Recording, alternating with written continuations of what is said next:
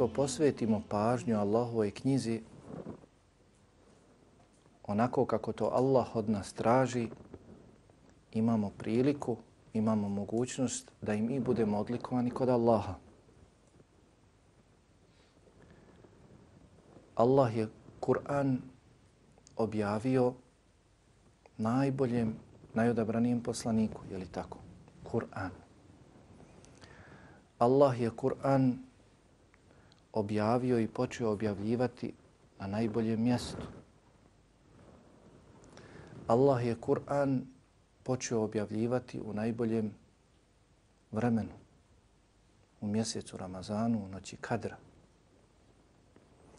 Allah je Kur'an dostavio poslaniku preko najodabranijeg meleka, Džibrila i slično. Allah kaže u Kur'anu da narod kome je objavljen ovaj Kur'an s kojim je poslat poslanik Muhammed alihi sallam da je najbolji narod. Kako kaže u suri Ali Imran, kuntum khayra ummetin uhriđat li nas. Vi ste najbolji narod koji se pojavio. Dakle, sljedbenici ove knjige, sljedbenici poslanika koji je došao sa ovom knjigom su najbolji ljudi kod Allaha. I poznato nam je da ashabi su najbolji ashabi, ashabi poslanika Muhammed alaihi salatu wasalam su najbolji ashabi koji su ikada postojali, drugovi poslanika. Najbolji. Općenito. Sve to Allah subhanahu wa ta'ala vrednovao zbog ovog njegovog govora. Kur'an je poseban govor. Stavio je van snage sve prethodne govore. Allah je jedino za Kur'an obećao da će ga čuvati neizmijenjenog. Inna nahnu nazzalna zikra wa inna lahu lahafizun. Ne spominje se u hadisima, dakle u suri Al-Hijr kaže Jalla doista smo mi objavili ovaj zikr, ovaj Kur'an i mi ćemo nad njim djeti. Ne spominje se u hadisima Allahovog poslanika alihi salacom, niti u govorima u Leme da je Allah obećao za prethodne knjige da će ih čuvati. I doživjele su što su doživjele ali Kur'an već 1400 i više godina ostao je neizmijenjen. Allah na mnogim mjestima u Kur'anu govori o njegovoj važnosti za nas. U njemu se nalaze brojne važnosti koristi ove knjige, ali za nas kaže da je naša slava u ovoj knjizi, da je naš ponos u ovoj knjizi, da ćemo biti gornji, da ćemo biti spominjani, da ćemo biti oni koji vode druge ako se prihvatimo ove knjige kako treba. وَلَقَدْ أَنْزَلْنَا إِلَيْكُمْ كِتَابًا فِيهِ ذِكْرُكُمْ أَفَلَا تَعْقِلُونَ Doista smo vam mi objavili knjigu u kojoj je za vas spomin, u kojoj je vaš spomin, odnosno vaša slava. Budete li se držali knjige dosljedno, bit ćete od onih koji će se spominjati. Efela taqilun, zar nećete doći pameti? Na drugom mjestu kaže Jalla Vala poslaniku Muhammedu alaihi sallam, obraća se njemu kasnije njegovim sljedbenicima, nama. Fastamsik billadhi uhiya ilayka innaka ala sirati mustaqim. Čvrsto se drži onoga što ti se objavljuje, doista si ti na pravom putu. Ne može se biti na pravom putu osim za osim pridržavajući se za Kur'an. I to ne bilo kako, već čvrsto. Istemseke znači čvrsto se pridržavati i tražiti od drugih da se čvrsto pridržavaju. Jer svaki glagol koji otpočinje sa iste znači tražiti istigfar, je tako? Istigfar tražiš oprosta od el-gafara. Istemseke znači čvrsto se držati i tražiti od drugih da se čvrsto drže wa innahu la dhikru laka wa liqaumika wa sawfa tus'alun. I doista je on vaš ponos, tvoj ponos o Muhammeda i tvoga naroda, a zasigurno ćete biti pitani. Zato ćete biti pitani. Objavio sam vam knjigu, pojasnio u knjizi sve, vašu svijetlu budućnost, ako je hoćete. Bićete pitani sigurno. O tome Allah govori na mnogim mjestima u Kur'anu kako rekao. ali je objavio jednu posebnu suru u kojoj je sažeo ukratko spomenuo. Zbog čega su islamski učenjaci govorili da Allah nije u Kur'anu objavio ni jednu drugu suru koja govori o tome kako da provedeš život na ovome svijetu da bi uživao na drugome svijetu. Kako da iskoristiš svoj život, kako da iskoristiš svoje vrijeme. Da ne bi se kajao na samrti i pogotovo na drugome svijetu, već da bi ti to bio najsretniji dan, dan tvoje smrti, susreta sa Allahom dželle Vala, a pogotovo dakle kada nastupi sudnji dan i kada nastupi drugi svijet. Sura El Asr. Sura El Asr. Koja je došla Allahom dozvolom jeli, na red večeras. Svima nama dobro poznata sura i to je jedna od najkraćih sura. Tako u Kur'anu postoje tri sure sa tri ajeta. Tri sure sa tri ajeta. Postoji sura En-Nasr, idha jaa nasrullahi wal-Fetah. Postoji sura Al-Kawthar inna a'tainaka Al-Kawthar i postoji sura Al-Asr. Od njih je najkraća sura Al-Kawthar. Jeste, ima tri ajeta, međutim ima deset riječi i 42 harfa. Ove druge dvije sure imaju više riječi, imaju više harfova. Dakle, sura El-Asr je 103. sura po redoslijedu Kur'ana. Od sure El-Fatiha prema suri En-Nas, sura El-Asr dolazi 103. Kako rekoh, ima tri ajeta, 14 riječi i 68 harfova. Ona ima 68 harfova, sura Al-Kevthar ima 42 harfa, a sura Nasr ima 77 harfova. Dakle, ovo je otprilike srednja sura od tih tri sure po dužini. Kao što nam je poznato, prije nje dolazi sura Et-Tekathur, El-Hakum Tekathur, a poslije nje dolazi sura El-Humeze. Imali smo prošli puta komentar sure El-Humeze. Dobila je naziv El-Asr, kaže se za nju El-Asr, po istoj riječi, isto, istoj riječi koja se spominje u suri Al-Asr. I cijela sura govori o vrijednosti vremena, odnosno to vrijeme će biti vrijedno za nas, pogotovo na drugome svijetu, ako ga iskoristimo kako treba. Ova sura je došla kao naš pravilnik kako da iskoristimo svoje vrijeme na Dunjaluku. Allah se na početku sure zaklinje s vremenom. Zaklinje se sa jednim od svojih stvorenja.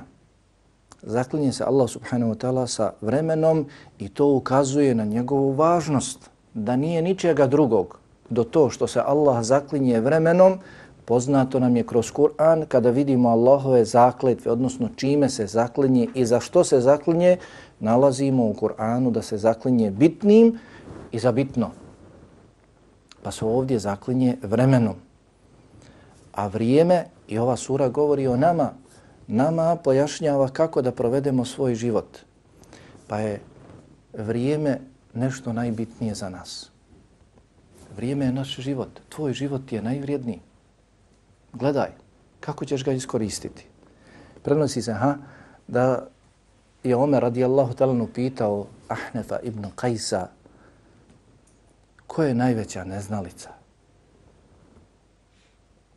Ne zna u životu ponašati se kako da provede svoj život. Kaže onaj koji proda svoj ahiret za svoj dunjaluk. O čemu sura Lasor govori? Onaj koji proda svoj ahiret za svoj dunjaluk. Posveti se dunjaluku, ne mari za ahiret. Pa moj Omer radijallahu ta'ala rekao, jeste dakle, ovo je problematično i kako. Kaže Omer, ja mislim da je veća neznalica i da je veći gubitnik i da je veća propalica onaj koji proda svoj ahiret za tuđi dunjaluk. Onaj koji hoće da živi tuđim životom, onaj koji se bavi tuđim životom, zaboravi čak i na svoj život. Ne vodi računa kako će svoj život proživjeti kako se prenosi od Omera, kako se prenosi od Ibn Mas'uda radijallahu anhum i drugi ashaba da su govorili mrzim, prezirem da vidim čovjeka besposlenog, ne radi ni za dunjaluk ni za ahiret. Aj makar radi za svoj dunjaluk. Nemoj se baviti drugima, tuđima, mahanama, tuđim mahanama. Te radi na sebi. Pozabavi se sobom. Pa dakle, sura El Asr zove se tako jer Allah dželle otpočinje suru sa tom riječju i zaklinje se zaklinje se njenim značenjem vremenom vidi jednom jednim od značenja vidjet ćemo šta kažu komentatori još šta se misli pod riječi El Asr Uh, e, sura je po većini, većini komentatora mekanska. Prenosi se od Ibn Abbas radijallahu anhuma da je rekao sura Wal Asr objavljena je u Mekki. Uh, nekolicina njih vrlo malo kažu da je da je sura medinska ako Bog da, ispravno je ono na čemu je većina. Dakle, ova sura nam pojašnjava kako da provedemo svoj život.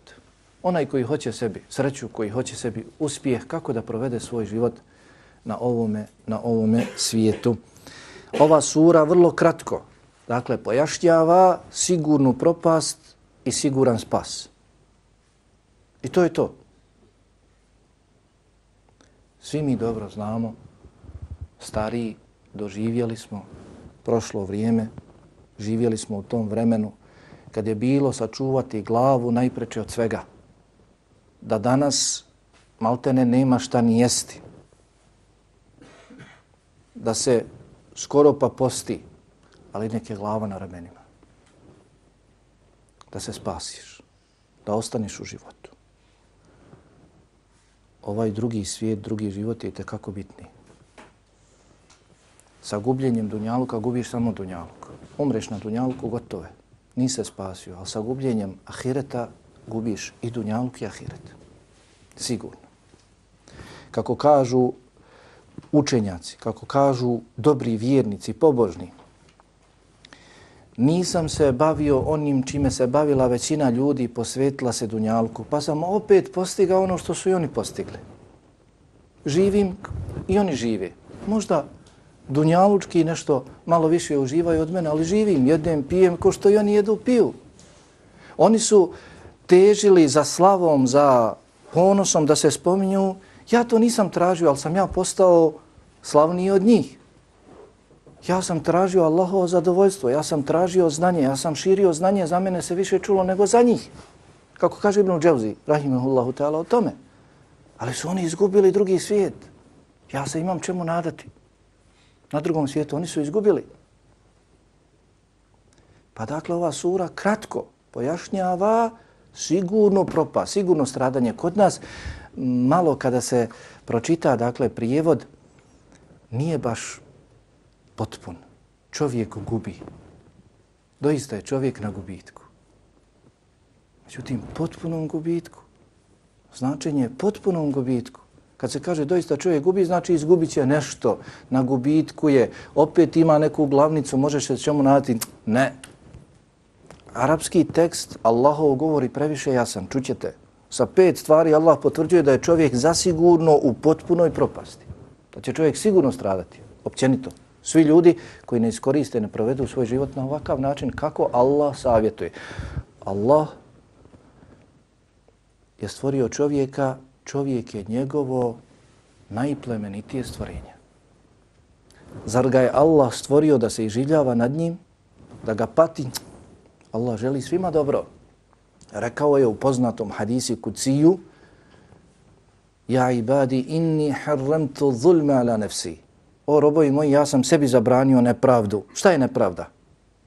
Da uzurpiraš tuđe pravo, a sve ovo Allahovo. Je tako? Allah nema šta da uzme od nekoga drugog kad je sve njegovo? Pa nemoguće da Allah čini nepravdu, ali opet kaže ono što je u vašim očima, što biste vi pomisli da vam čini nepravdu, ja to neću raditi. Inni haramtu zulma ala nefsi, ođaltuhu bejnekom harama felata zalemu. I zabranjujem vama nepravdu da činite jedni drugi, zato nemojte činiti jedni drugima nepravdu. Dakle, Allah nas nije stvorio. Pazite, zbog nas je naprotiv Allah stvorio sve. Zbog nas je Allah propisao posebne obaveze, nove dodatne obaveze melekima. Ne razmišljamo o tome. Allah je stavio nama u službu meleke.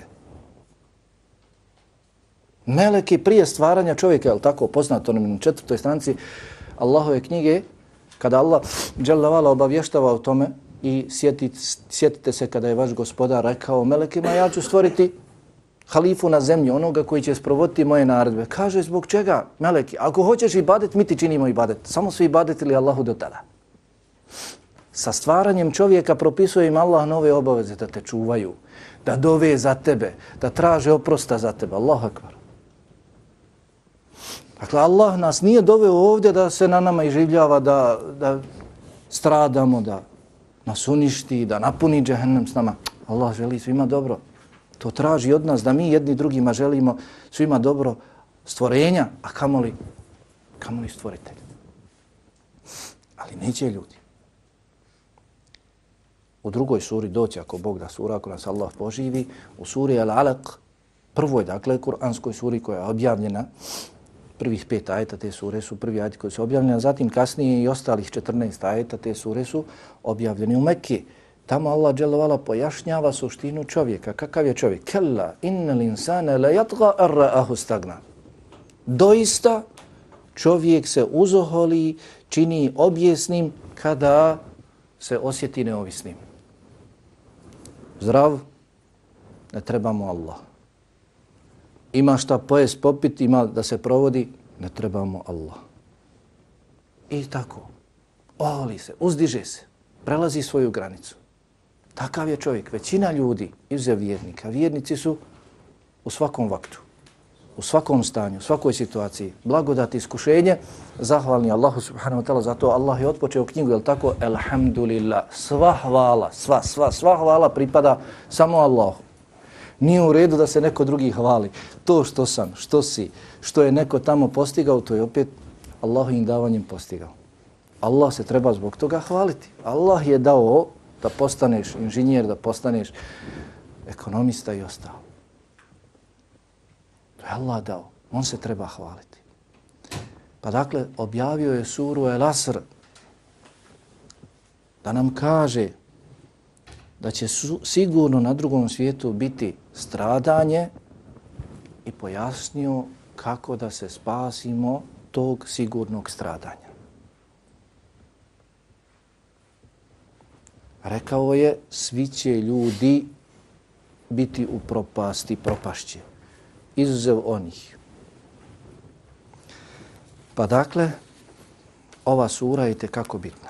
Nalazimo zbog toga, zbog njenog značenja, njene bitnosti, njene sadržine, njene poruke glavne, praksu koja je bila kod ashaba i ona je se zadržala kod pojedinih i nas, i naših starih. Ashabi, kako bilježi imam Taberani, šeha Albani ga ocjenjuje dobrim taj hadis, ashabi kada bi se sreli razgovarali, sjedili, družili i htjeli se rastaviti, proučili bi jedan drugom suru El Asra. Da kao pomenu na vrijednost vremena, kako iskoristiš svoje vrijeme, ili ćeš stradati, ili ćeš spasiti se sigurnog, sigurnog stradanja, sigurne, sigurne propasti. Šeha Albani ga ocjenio čak vjerodostojnji. I kako rekao, zbog toga Imam Šafija, rahimahullahu ta'ala, je rekao da Allah nije objavio ni jednu drugu suru koja pojašnjava sigurnu propast i kako se spasti sigurne propasti od sure El Asr, da nije objavio drugu suru mimo sure El Asr, ona, je bila, ona, bi bila, ona bi bila dovoljna. Imali smo prošli puta suru El Humeze. I rekao sam vam od sure El Ma'un do sure El Asr, dakle, mimo sure El Asr, pojašnjavaju se pogubne osobine, osobine koje ne dolikuju vjerniku, osobine koje će ljude strovaljivati u džehennem. Prije sure El Asr dolazi sura Et Tekathur. Odmah na svome početku govori o sličnome, Alhaakumu tekathur hatta zurtumul meqabir. Natječete se u gomilanju. Gomilanju čega vidjet ćemo? Svega što te odvraća od Allaha. Što te ne približava Allah. I nećete se ostaviti toga sve dok ne nastanite svoje kaburove, sve dok ne umrete. Ne valja tako. Kako valja? Allah pojašnjava u suri Al-Asr. Potvrđuje i u suri Al-Asr u prvom dijelu da ne valja tako, da to takvo ponašanje koje se spominje u suri Et-Takathuru, okupiranje dunjalukom i svega, svim što te odvraća od Allaha subhanahu da to ne valja i da to vodi do sigurne propasti. Kako valja? Pojašnjava kratko. Zato se i kaže svaki govor koji je kratak, a je zgrovit uvijek je korisni. Što kraći da zapamtiš. Kraći je zgrovitiji da možeš zapamtiti, da izvučeš poruke i pouke i ideš da radiš. A zatim u suri Al-Humeze i kasnijim surama Allah pojašnjava šta čovjeka posebno okupira, čime se ljudi posebno bave na Dunjalukom, a što čovjeka strovaljuje i odvodi u sigurnu propast. Tako u suri Al-Humeze odmah se spominje ismijavanje s drugima. Ismijavanje s drugima, malovažavanje, nipodaštavanje, nipodaštavanje drugih. Dobro, kaže Allah Jalla Vala Velasr. Velasr. Tako mi vremena. Ovaj vav jeste, ima značenje zakletve. Tako mi. Ovaj vav. Wal asr. Tako mi. El asr prevedeno je tako mi vremena. Jeste jedno značenje i najčešće značenje riječi el asr, općenito značenje, najšire značenje jeste vrijeme. I tog stava je prije svega bio Ibn Abbas radijallahu anhuma zatim i drugi komentatori nakon njega. Riječ El Asr i kod nas je tako poznata, već se ustalila na našem jeziku i za drugo značenje. A ono je ikindija. Je tako? Kažemo Asr. Ikindija. Kada se spominju namaska vremena i spomeni se ikindija, kaže se Asr. Pa ima komentatora koji kažu Allah se ovdje zaklinje ikindijom namazom zbog posebnosti tog namaza. U suri Al-Baqara, je tako, 238. ajtu, Allah Jalla Vala kaže Hafidhu ala salavati was salati l-wusta wa kumu lillahi qanitin. Čuvajte dobro sve propisane namaze, a pogotovo srednji namaz. Većina, većina, ako ne i svi, komentatori kažu salat vusta jeste, srednji namaz jeste i namaz. Kako je Allahov poslanik alihi salat sam pojasnio i spomenuo i kindiju namaz također, salat vusta, srednji namaz u bici na Hendeku. Zatim došli su brojni hadisi, vjerodostojni kod Buharije, o posebnosti kindije, jel tako? Ko propusti kindiju, prođe ga i kindija. Toga dana propadaju mu sva dijela dobra koja je učinio. Ko propusti tek tako i kindiju? Propusti, nema opravdanja. Ne klanja i kindiju. Sve što je uradio dobra, kaže poslanik Alihi Salasom, bilježi imam Buhari od Burejde, toga dana sve mu propada. Jer ikindija je kod Allaha poseban namaz. Na ikindiji, jel tako, se smjenjuju i meleki. Došlo je u hadisu Ibn Omera radijallahu anhuma također da kaže poslanik alihi salatu wasalam onaj koga prođe ikindija namaz kao da je izgubio svoju porodicu i sav svoj metak. Onaj koga prođe. Pričao mi je jedan brat o čovjeku iz okoline Zavidovića, Žepča. Da ga je prošla ikindija. Ikindija li podne? I Kindija, koliko mislim, da pokupi sjeno. Da pokupi sjeno, akšam će. Zato jedno značenje, treće značenje jeste i kindijsko vrijeme, ne samo i kindija namaz. Akšam će brzo, smrači i gotovo. Njiva šest duluma. I požuri, požuri, požuri, požuri i prođe ga. I čovjek stane i plakati i kaže ja je u vakufulju ja je dajem u vakuf. Gotovo. Ako će ona mene odvratiti od Allaha, ovo sijeno, šta mogu sa šest duluma, mogu saditi tri, četiri sijena, koliko je to novaca ako prodam, kaže ja nju dajem u vakuf. Onaj koga prođe i kindija namaz kao da je izgubio svoju porodicu, i svoj metak. I treće mišljenje koje je zastupao Hasan al-Basri i Katade jeste da je e, El Asr ovdje vrijeme predvečerja. dakle pred akšam. Pred akšam jer je uvijek, i to ćemo ako Bog da kod sure Al-Qadr vidjeti neke kuranske ajete i hadise, da je noć kod Allaha vrijednija od dana. Dakle, sve što je vrijeme bliže noći je kod Allaha subhanahu wa ta'ala također vrijednije. Ali, kako rekao, većina, većina komentatora jeste da se pod riječi Lasar misli na, na vrijeme općenito. Pa se Allah dželovala općenito zaklinje vremenom da nam ukaže na bitnost toga vremena. U vremenu, u životu kojeg živimo, u vremenu kojeg provodimo, dešava se mnogo šta. Smjenjuje se dan, noć, hladno, toplo, kiša, sunce, mnogo šta. Gdje čovjek, provodeći to vrijeme i razmišljajući u tom vremenu, dolazi do Allahove dželavala jednoće sigurno. Da ga niko ne poziva da mu niko ništa ne govori, samo da kaže sjedi, promatraj, i razmišljaj. Sigurno. Ko je čistih prsa, čistog srca, nije zamutio, sigurno će doći do Allahove subhanahu wa ta'ala jednoće. Zato Allah dželavala dakle zaklinje se vremenom i mi trebamo uzeti pouku iz toga. Allah se ne zaklinje osim važnim vrijeme koje živimo. Kur'an je objavljen nama Sve što je spomenuto u Kur'anu, to je objavljeno nama, radi nas, radi nas živih, da uzmemo pouku i da uskladimo svoj život po ovim riječima. Allah se zaklinje vremenom da bi dokazao nama koliko je vrijeme bitno. Od posebnosti vremena kojeg provodimo, života kojeg živimo, jeste da brzo prolazi. Svjedoci smo da brzo prolazi. Po našoj djeci vidimo kako vrijeme brzo prolazi. Možda onako čovjek se osjeća još mlad, iako ima 40-ak, 50 godina, ali po djeci vidiš. Vrijeme brzo prolazi. Spominje se da su upitali Nuha, alaihissalam, koji je živio dugo, je tako? Hiljadu godina. Kako ti je prošao život pred krajem?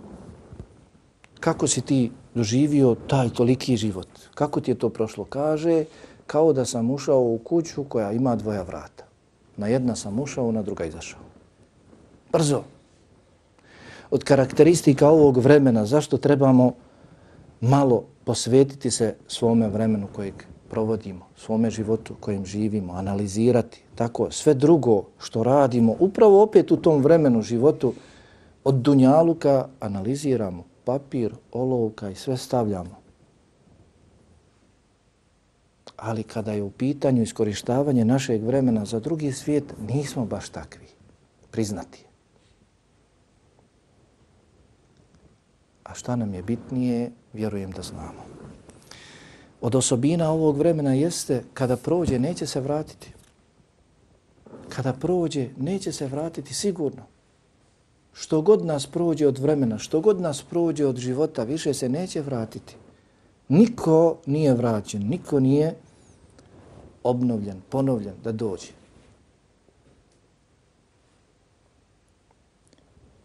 Spominje se u Kur'anu na mnogim mjestima da će se oni koji uđu u vatru ili na samrti, nevjernici, na samrti, a pogotovo kada uđu u vatru, kajati i tražiti od Allaha vrati nas. Da uradimo još kako dobro djelo. Vohum ja stari hune fiha u džehennemu će vrištati, kuhat, kukati, dozivati Allaha povišenim glasom, vrati nas da radimo djela kakva nismo radili. on više raditi ona djela koja smo radili, da radimo dobra djela. Pa Allah kaže, zar vam nisam dao dovoljno da živite? I zar vam nisam slao onoga koji vas je opominjao? Kako da provedete svoj život? Ono što nas prođe sigurno se neće vratiti. Zato trebamo vrednovati svoj život. Vrednovati svoje vrijeme. Zatim vlasnik vremena je Allah. Nismo mi. Ne možemo mi zaustaviti vrijeme. Ne možemo mi ga vratiti, ubrzati, usporiti. Allah je taj. Allah je taj. Ono što nas je prošlo više ne možemo vratiti. Hoćemo li sutra dočekati pitanje? Ono u čemu se nalazimo, to treba da iskoristimo. Trenuci, uvijek. čovjek kada sjedi, kada razmišlja, kada je slobodan ili kada nije slobodan, kada treba nešto da radi da vidi, je li to u redu? Treba da iskoristi to vrijeme, taj posao na najbolji mogući način, jer to je ono što, što mu je Allah dao trenutno da on u određenom smislu vlada time. A prošlost neće se vratiti. Budućnost pitanja hoćeš li, hoćeš li dočekati. Zato, dakle, trebamo koristiti što je god moguće bolje svoje vrijeme. I poznati su vam hadisi koji govore o vremenu. Došlo je u hadisu, jel tako da je rekao poslanik alihi salatu sam, većina ljudi su nemarna prema dvijema blagodatima. Većina ljudi je nemarna prema dvijema blagodatima, prema zdravlju i slobodnom vremenu. Hadis u kojem se spominje da ćemo biti pitani, neće se pomjeriti stopala ni jednog od nas sutra na sudnjem danu, dok ne budemo bili upitani za četiri ili u drugom citatu, zavisno kako ko raščlani, pet za svoj život u šta si ga proveo i posebno za svoju mladost, u šta si je potrošio. Dva pitanja ćemo biti pitani za svoj život. Posebno najbolji period našeg života. Pa je došlo, jel tako u hadisu iskoristi petero prije nego li dođe drugih petero. Pa je došlo u hadisu, Allah neće prihvatiti ispriku, opravdanje, neće se moći pravdati čovjek kome Allah dao 60 godina da živi, pa nije htio da vjeruje u Allah. Nije htio da povjeruje u Allaha i da mu bude, da mu bude pokoran. Kada čitamo izreke, govore naših prethodnika i kako su oni iskorištavali svoje vrijeme, nimalo nam nije onda čudno zbog čega su bili takvi i kako su postigli, ostvarili, zašto im je Allah davao bereketa u njihovim, njihovim životima. Kratko spominjem, ima toga mnogo, da bismo, eto, koliko toliko se malo mi analizirali i krenuli koliko toliko njihovim stopama. Pojedini kažu, nema fajde u spominjanju njihovog života. Kaže, to je daleko. Ne možemo mi tako. To je najbolja generacija. Ima Malik Rahimahullahu ta'ala rekao neće se popraviti završnica ovoga naroda osim onako kako se popravila prethodnica, prvi. Kakvi su prvi bili, za njih je Allah rekao na nekoliko mjesta u Kur'anu radi Allahu anhum, Allah je zadovoljan njima, mi pri, priželjkujemo to zadovoljstvo, tako? Mi priželjkujemo, prizivamo da nam je da Allah bude zadovoljan s nama tragamo za dijelima. Trebali bismo koliko toliko podučavati se, iščitavati njihov životopis. Kaže Ibn Mas'ud radijallahu ta'ala, ni za čim nisam više žalio. Kao što sam žalio za danom u kojem sunce zađe, dakle ode taj dan, skrati se moj život za jedan dan, a moja dobra djela se u njemu ne povećaju. Ništa ne uradimo dobrih djela. Zatim sam najviše žalio. Također kaže Ibn Mas'ud radijallahu ta'ala, kako sam malo prije spomenuo, prezirem da vidim besposlenog čovjeka koji ne radi ni za svoj dunjaluk, ni za svoj ahiret. Kaže Omer ibn Abdelaziz, rahimahullahu ta'ala, doista dan i noć rade na tebi. Smanjuje se tvoj životni vijek. Dan prođe, noć prođe, sve si bliži eđelu, sve si bliži smrti. Kaže, radi i ti na njima. Radi i ti u njima uradi nešto u tom danu, u toj noći. Kaže Hasan al-Basri, rahimehullahu tala, nema jednog dana da osvane, a da ne poviče, o sine Adamov, ja sam novi dan, ja sam novo Allahovo stvorenje, ja sam svjedok protiv tvojih dijela, pa obskrbi se u meni svojim dijelima, ja kada odem, više se neću vratiti do sudnjega dana. I mnogi, mnogi govori. Sejf el Jemani kaže od znakova poniženja jeste da se čovjek bavi besposlicom, da provodi svoje vrijeme u besposlici. Od znakova, drugi je rekao, od znakova Allahovog okretanja, da se Allah okrenuo od čovjeka jeste da ga ostavi da provodi svoje vrijeme u besposlici. Nisi bitan, nisi vrijedan kod Allaha. Poznate su vam riječi, često ih spominjem od Ibnu Kajima, rahimahullahu ta'ala, koji kaže, spominjući dunjalučki primjer, da bismo bolje razumjeli.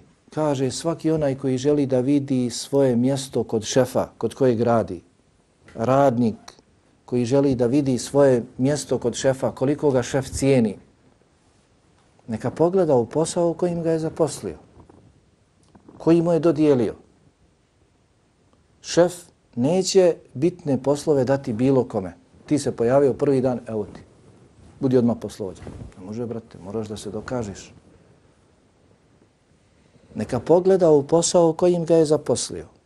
Kaže, ako želiš da vidiš svoje mjesto kod Allaha, koliko si bitan Allahu, koliko si važan Allahu, na kojem položaju si kod Allaha, pogledaju dijela kojima se baviš.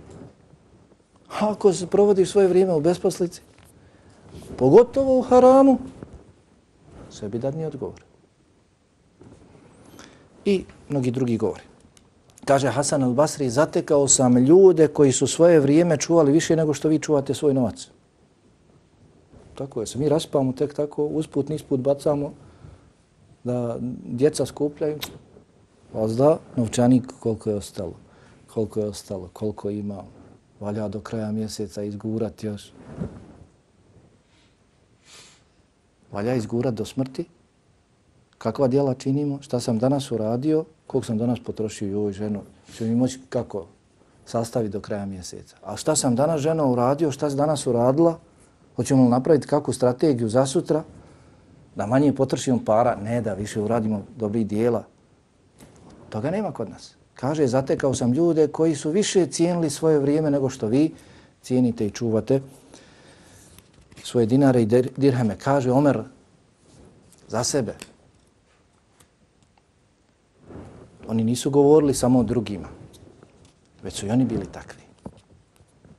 Kaže, poznato vam je, kada je to izgovorio Omer radijallahu talan, kada je došla delegacija, pa je došla u nezgodno vrijeme kad obično se odmara tokom dana, kaže se Kajlula, jel? Pa su mislili da spava Omer, tad je bio halifa, i došli u njegovu avliju, u dvorište i čekaju, onako stoje. Pa ih Omer vidio kroz penđer. Otvorio vrata, šta čekate? Što ne tražite dozvolu? Što ne ulazite?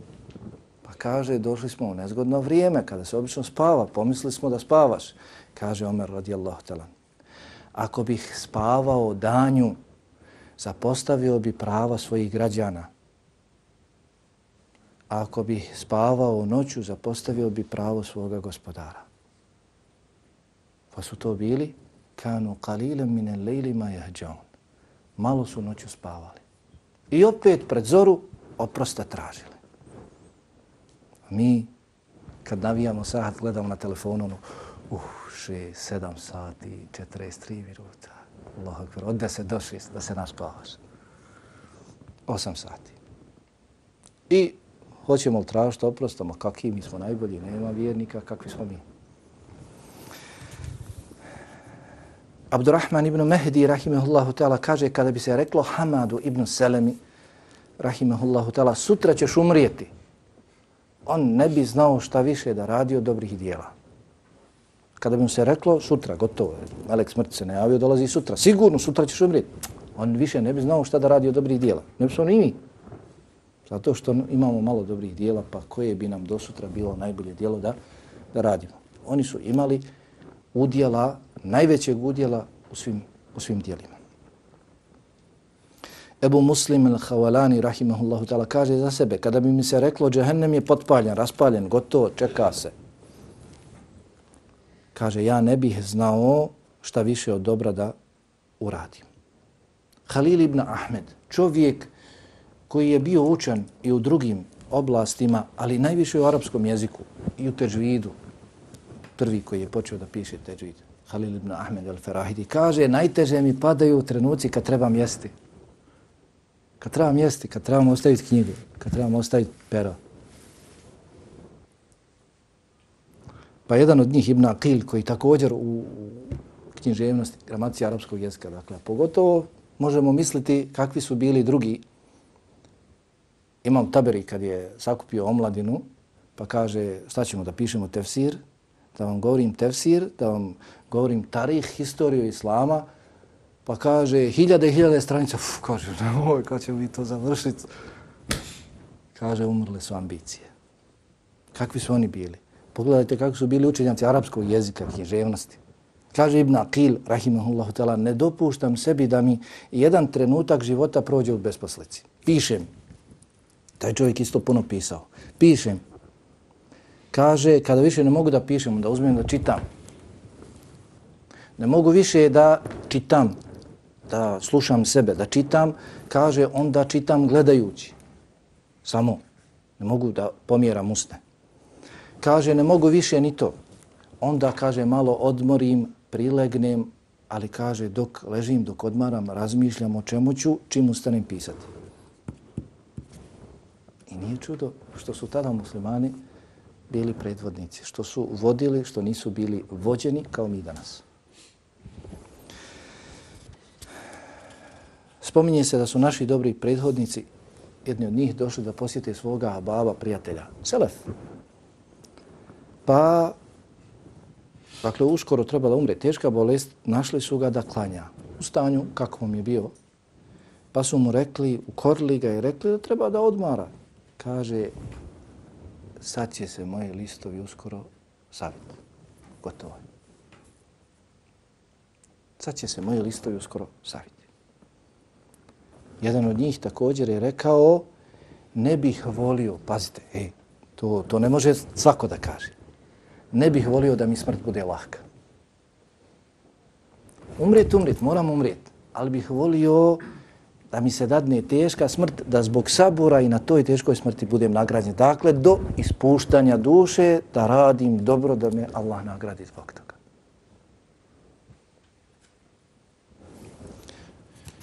oni koji slušaju kažu nema nas niće. A i ja.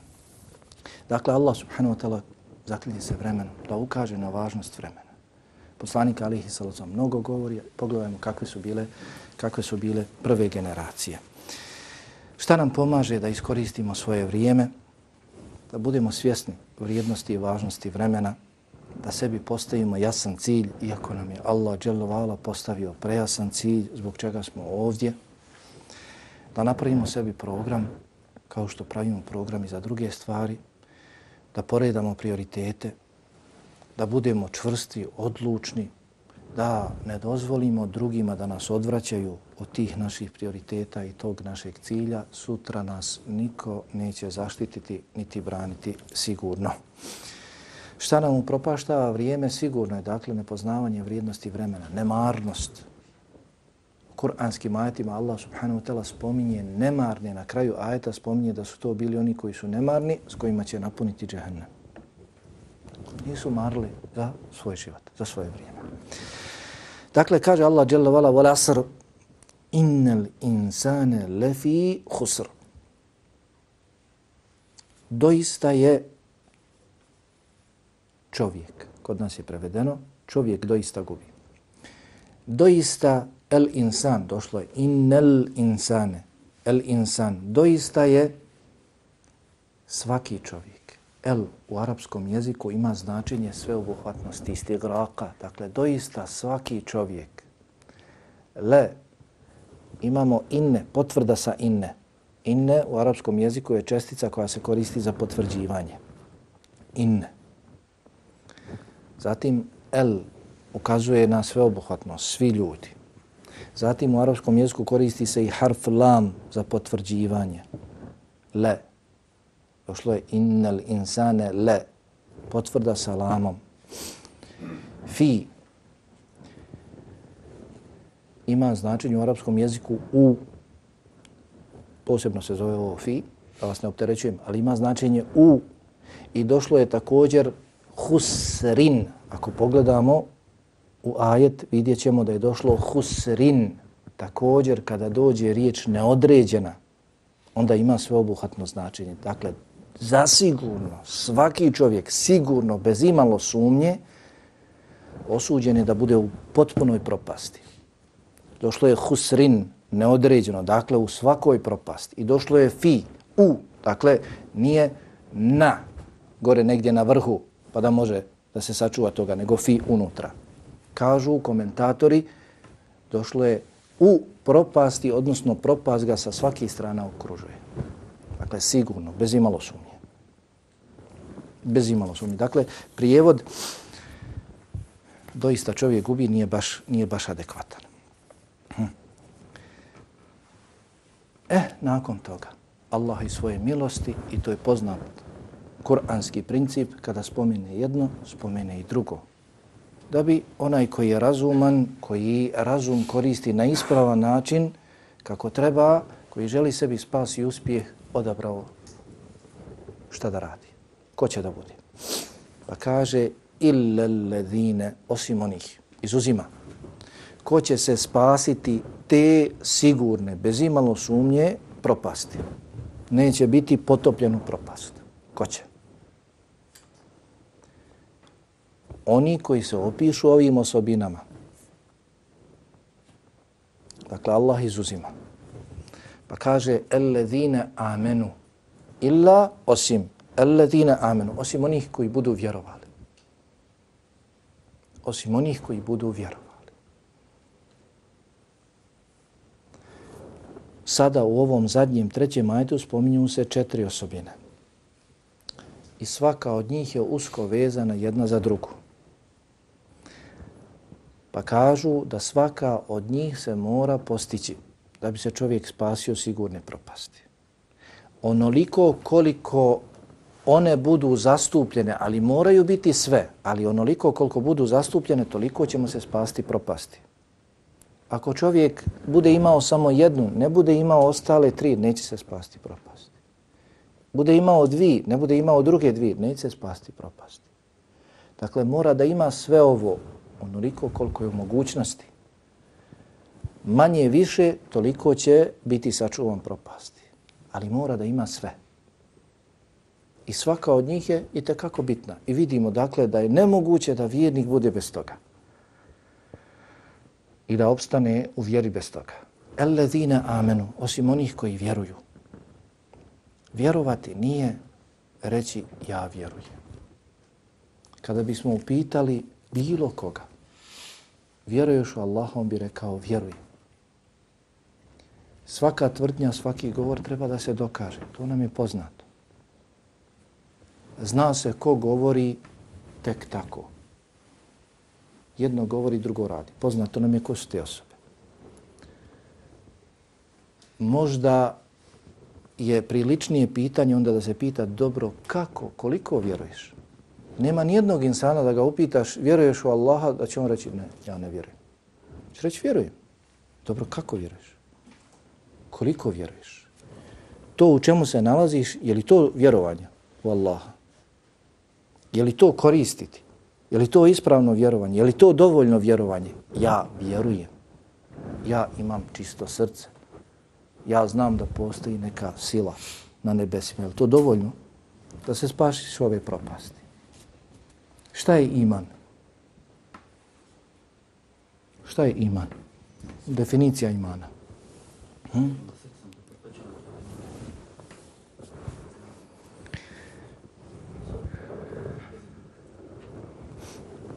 Ja, ali kaže se iman je čvrsto ubjeđenje u srcu.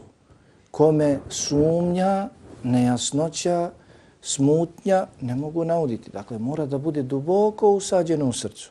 Iz takvog čvrstog imana proizilaze riječi, proizilaze dijela.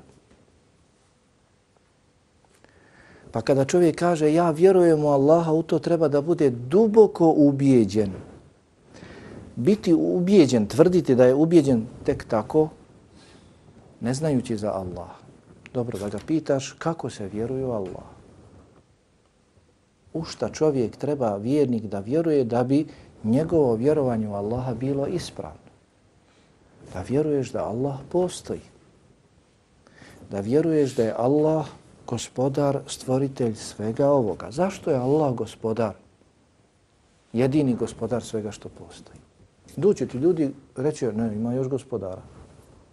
Ima bogova. Allah kaže u Kur'anu da ima bogova, lažnih bogova. Ljudi obožavaju. Allah kaže u Kur'anu, tako, lat, mena, uza, da su božanstva, ali lažna. Zašto je Allah istinski bog, jedan jedini istinski bog? Zašto? Zato što jedini on kod sebe ima ove četiri osobine, niko drugi. Ako neko drugi ima, i on se može obožavati, ali ne. Zašto je Allah istinski gospodar jedan jedini? Zato što je on sve stvorio. I sve što je stvorio, on time vlada. Drugima daje koliko on hoće da privremeno na određeni način vladaju. Ali on svim vlada. Niko ne može izaći iz njegove vlasti. On sve to održava i on sve hrani. Ako ima neko drugi, onda je on gospodar, ali nema. Dobro, kako sve ovo Allah radi? Kako on sve stvara? Kako on sve stvoreno održava? Hej, izađi sad, otiđi na najveću kotu u gradarcu. I pogledaj. Mebesa i pogledaj ono što se vidi od zemlje. Samo u gradarcu. Otvori Google, otvori kartu, pogledaj kartu. I to je samo ono što vidimo. Gdje su prva nebesa, druga, treća? I to Allah sve stvara. Kako? Zato što Allah ima uzvišena svojstva osobine.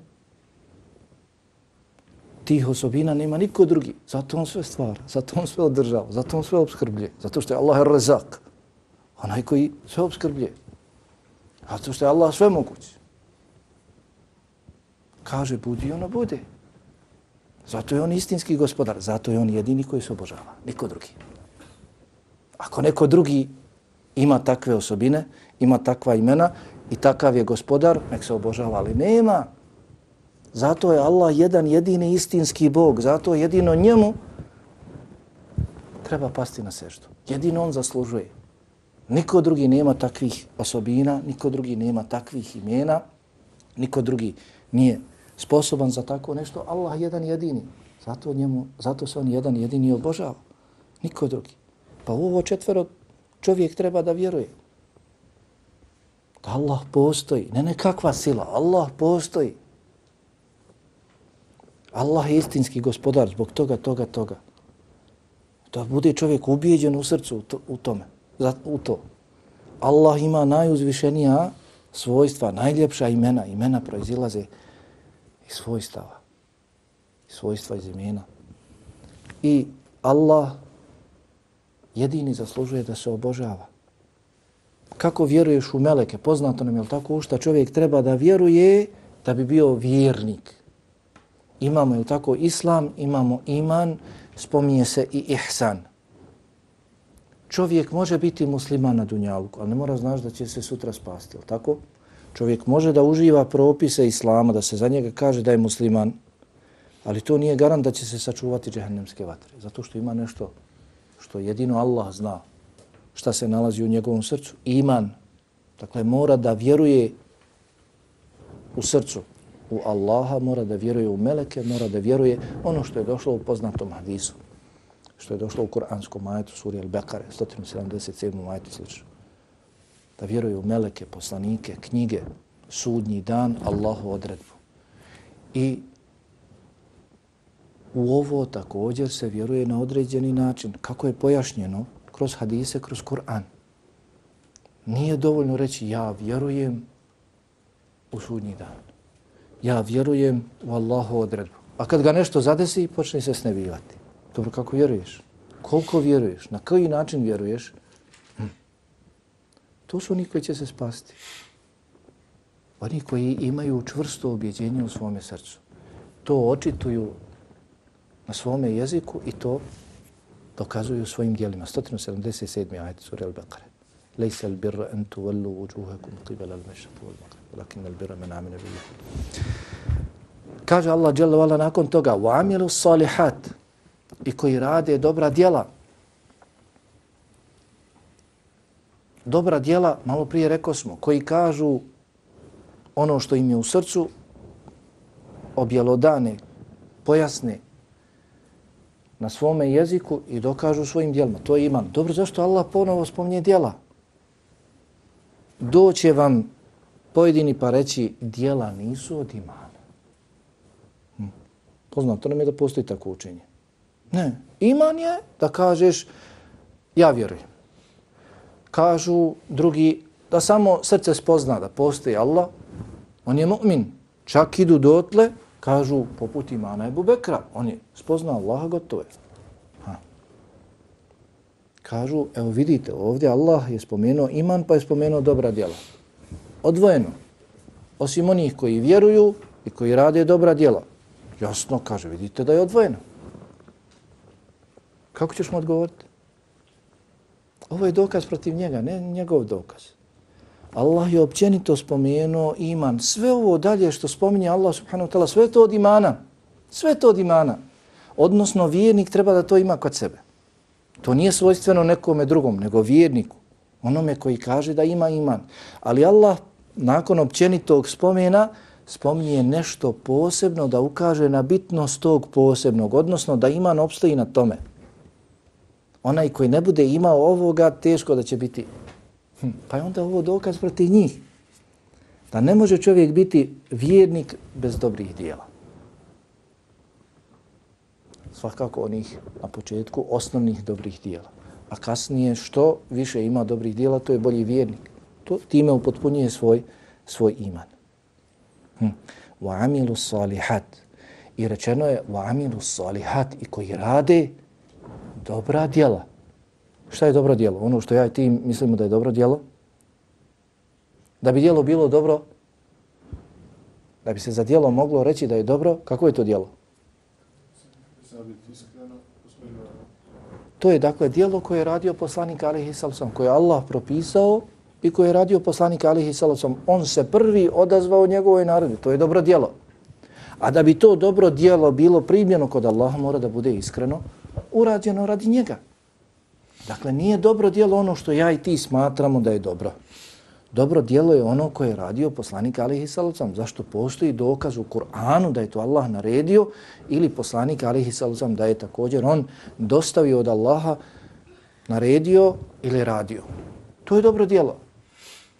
A da bi to dobro djelo bilo primljeno kod Allaha, da bismo bili za njega nagrađeni, da bismo se imali čemu nadati, onda to mora bude radi Allaha urađeno kao što je od njega potekla naredba, za to dobro dijelo treba se i njemu vratiti. To dobro dijelo. Isključivo radi njega učiniti. Ha? Pa Allah dželle u zadnjem ajetu sure Al-Kahf i u zadnjem redu sure Al-Kahf objedinio je oba ova uvjeta primanja dobrih dijela kod njega. فَمَنْ كَانَ يَرْجُوا لِقَاءَ رَبِّ فَلْيَعْمَلْ عَمَلًا صَالِحًا وَلَا يُشْرِكْ بِعِبَادَةِ رَبِّهِ أَحَدًا Ko se nada susretu sa Allahom, lijepom susretu, da ga Allah lijepo dočeka, neka čini dobra djela i neka Allahu nikoga u ibadetu ne smatra ravnim. Allah prejasno kaže, a, ko se nada lijepom susretu da ga Allah lijepo primi, da ga postavi na počasno mjesto, robe uživaj, vječnost. Samo reci ja vjerujem. Nije Allah rekao tako. Allah je rekao, fel ja'mel amelan saliha, naredba, neka radi dobra djela. I neka u tim dobrim dijelima, u tom ibadetu, Allahu nikoga, nikoga ne smatra ravnim, odnosno neka to čini radi Allaha dželle vale jednog jedinog kako je došlo u hadisi kuciju, je tako? Da će Allah na sudnjem danu reći ja sam neovisan, najneovisniji od toga da mi neko smatra ravnim. Evo vidjeli ste, ima li ko da je sličan Allahu, a kamo li ravan? Nema. Da neko može bilo šta da stvori, a ne sve. Ništa. Allah dželle vala na zadnjoj stranici sure El Hadž govori o tome da vi, obraća se mušicima mnogobožstvima, vi oni koji obožavate, vaši kipovi od drveta i kamena ne mogu mušicu da stvori. Kako možete obožavati kamen, drvo, ne mogu mušicu, ne mogu da uzmu od mušice ono što im ona ukrade, da ponovo vrati. Gotovo. I vi njih obožavate. A zapostavljate Allaha Čelova. Nema niko sličan Allahu mako bio od njegovih najvećih posebnih stvorenja. I ta stvorenja treba izučavati. O melekima treba čitati, o melekima treba govoriti. Kroz Allahova stvorenja čovjek poznaje Allah. Kada čitaš o melekima, kakve ih je Allah stvorio, izgled što se spominje u vjerodostojnim predanjima, Ja Rab, Allah stvorio njih, oni takve, kakav li je tak Allah. Melek Džibril, šestotina krila.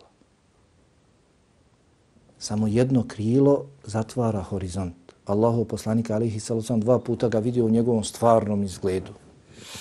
Kaže, jednim krilom zatvorio mi je sve iza njega, nisam ništa vidio iza njega. Kad sam podigao pogled. Pa se kaže da je jednim krilom zarovio pod zemlju lutovog naroda. Samo jednim od tih šestotina zarovio pod zemlju. I digao do neba. Dunjalčkog neba. I okrenuo. Stanovnici na prvom nebu čuli lavež pasa. Zavijanje. I okrenuo. I drugi melek, nosioci arša. I drugi melek. Kakav li je tek Allah dželovala, gospodar? On je to stvorio, on ih je stvorio. Pa kaže, ja nemam nikakve potrebe da mi neko nekoga smatra ravnim.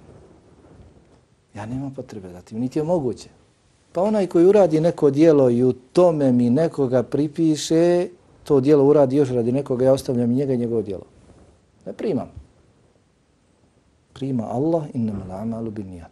Čovjek će biti nagrađen po svom nijetu. Ono što je nanijetio radi Allaha, čisto to će biti primljeno. Što nije radi Allaha, to neće biti ni primljeno.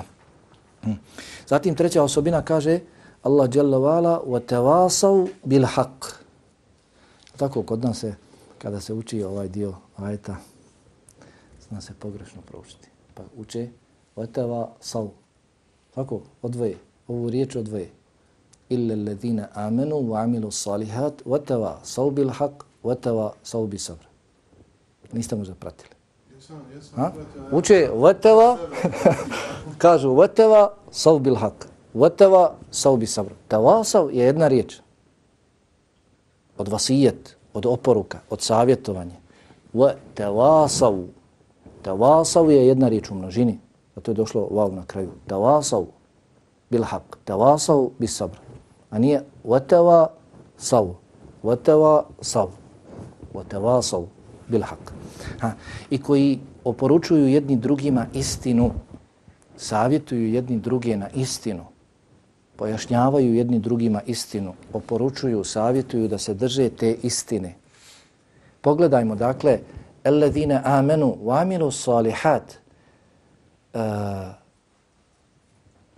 nisu spomenuti drugi, da ti neko pomogne da vjeruješ, da ti neko pomogne da činiš dobra djela. Ali preporučivanje istine, kažu komentatori, kaže šeh Sadi, rahimahullahu ta'ala, ove zadnje dvije osobine, i koji preporučuju jedni drugima istinu i koji preporučuju jedni drugima strpljenje, kaže, to je dokaz da nije lahko ostati na istini pa ti je potreba neko drugi da, da te savjetuje, da te bodri, iskušenja dolaze.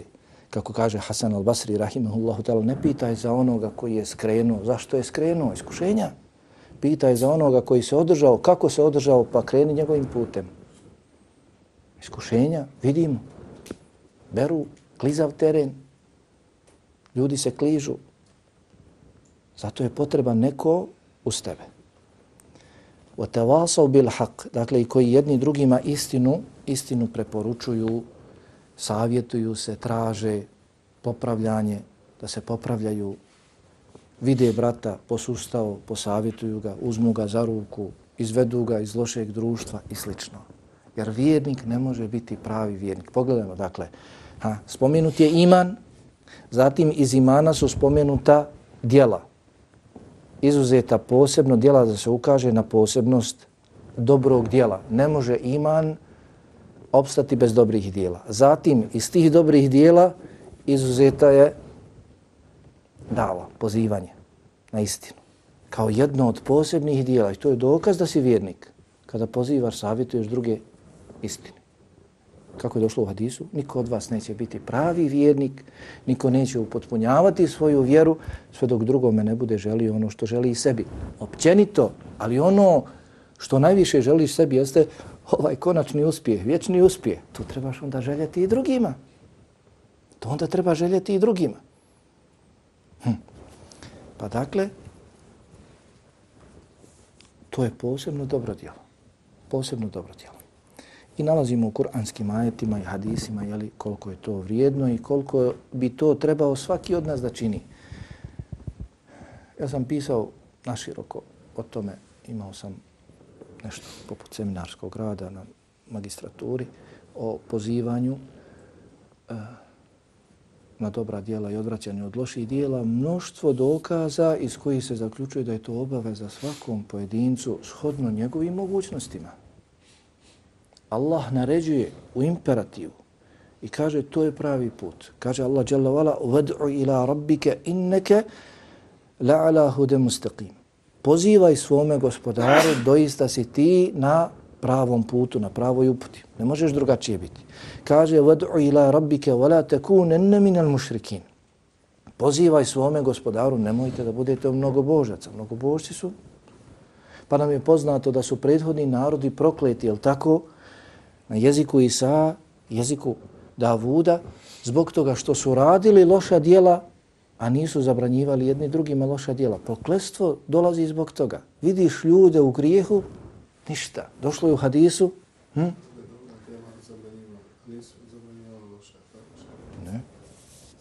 Evo ti kuranski ajet. Lojna alladine kafaru min bani Israila ala lisani Davude wa Isa ibn Marijem. Jezikom Davuda, dakle, došla je od Allaha objava preko Davuda i sa sina Merjemina. Proklestvo na ljude bima asav wa kanu ja'tedun. Zbog toga što su granicu prelazili u grijehu, kanu la yatanahawna an munkarin fa'alu la bi'sa ma kanu yaf'alun. Jedni druge nisu odvraćali. Kanu la yatanahawna an munkar. Nisu zabranjivali jedni drugima munkar. Viđali su jedni druge. Kako čini munkar? Nisu odvraćali. La bi'sa ma kanu yaf'alun. Ružno li to što su radili? Ne spominje se dobra djela. Hm?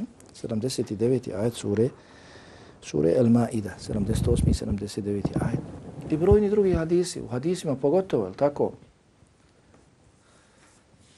Kod vas vidi zlo, neka ga otkloni rukom. I poznato u komentaru se spominje ko je taj ko može da otklanja rukom. Ne može svako, onaj ko ima ovlasti. Ako ne možeš tako, onda jezikom. Pojasni. Ako ne možeš ni to, onda preziri u srcu. Pa je došlo, je tako, oni koji praktikuju, čuvaju Allahove granice i oni koji ne čuvaju Allahove granice, poput naroda koji zaplovi, poznat hadis, zaplovi na lađi. Pa oni koji ne čuvaju granice, stalno idu gore, traže vode, da bi se jedan put osjetili, rekli, pa što moramo stalno od njih tražiti kada ožednimo, što ne bismo sebi provrtili lađu? To stalno imamo vodu, kaže poslanik Alihi Salacom, ako ovi gore dopuste ovima dole da rade što hoće, odnosno ako ovi koji praktikuju vjeru dopuste ovima doli, dole koji ne praktikuju vjeru da rade što hoće, svi će potonuti. Svi će potonuti. Poslao Meleka da uništi naselje, Melek se vratio. I to su, Jarab, od rijetkih slučajeva kada Melek nije ha, izvršio. La ja'sun Allahe ma emarahum wa jafalu nema umerunu. U šestom majtu sure Tahrim spomnije se za Meleke koji ne iskazuju neposlušnost Allahu, već radi ono što im naredi. Melek se vratio, kaže šta je? Kaže, naredio si mi da uništim naselje, mjesto, a u njemu se nalazi, nalazi dobar čovjek, vjernik, pobožan, kaže od njega prvog. Od njega prvog uništenje. Nikada se njegovo lice nije namrštilo, zacrvenilo zbog zla kojeg je viđao pred sobom. Bio nije mi šeitan. Nije korio. Zbog toga i brojni drugi dokazi koji kažu da trebamo shodno svojim mogućnostima, svome znanju kojeg imamo, jeli, pozivati u Allahu vjeru. I četvrta osobina, وَتَوَاسَوْ بِسَبْرِ i koji jedni drugima oporučuju strpljenje. Strpiti se na svemu ovome, a pogotovo na zadnjem spomenutom, nije lahko. Potreban si drugoga. Da govoriš nekome, da priđeš nekome, pa ne moraš daleko nići. U našim familijama imamo jeli svega. Pogotovo kažu 92-ka, šta mi ti imaš pričati? Tako? 92-ka, 94-ka. Šta mi imaš ti pričat? Postao sam musliman, ja od kako sam rođen bolan. Ja tolike godine u islamu, ja imam čisto srce, nemaš ti meni šta pričat. Nije to lahko. I svašta doživjeti, svašta gledati među svojima, nije lako, zato treba strpljenje. A treba čovjek ne da se izdigne nad njim, pa da kaže, slušaj, ovdje na koljenu da te ja posadim, da ti ja govorim, ne, već treba da budeš, e, da ti bude žao takvog čuo si vrijeme, ide. Neće se vratiti. Hoće li doživjeti sutra, to je pitanje. Svi mi dobro znamo, imamo čak i roditelja svakakvih. treba da ostavimo sve, a da nam oni budu najveća briga. Kao što želiš na Dunjalku dobro svome babi, svojoj majci, da ih ne zadesi kakva bolest, da imaju, da lijepo žive lagodno, trebaš se truditi još više da im bude na drugome svijetu. Iz, iz tog, ne znam kako da kažem, iz te žalosti, iz tog sažaljenja treba ljude pozivati. A ne dakle, ha, da se mi izdižimo nad njima, da mi njima pametujemo i ostalo. Ne, Bože sačuvaj.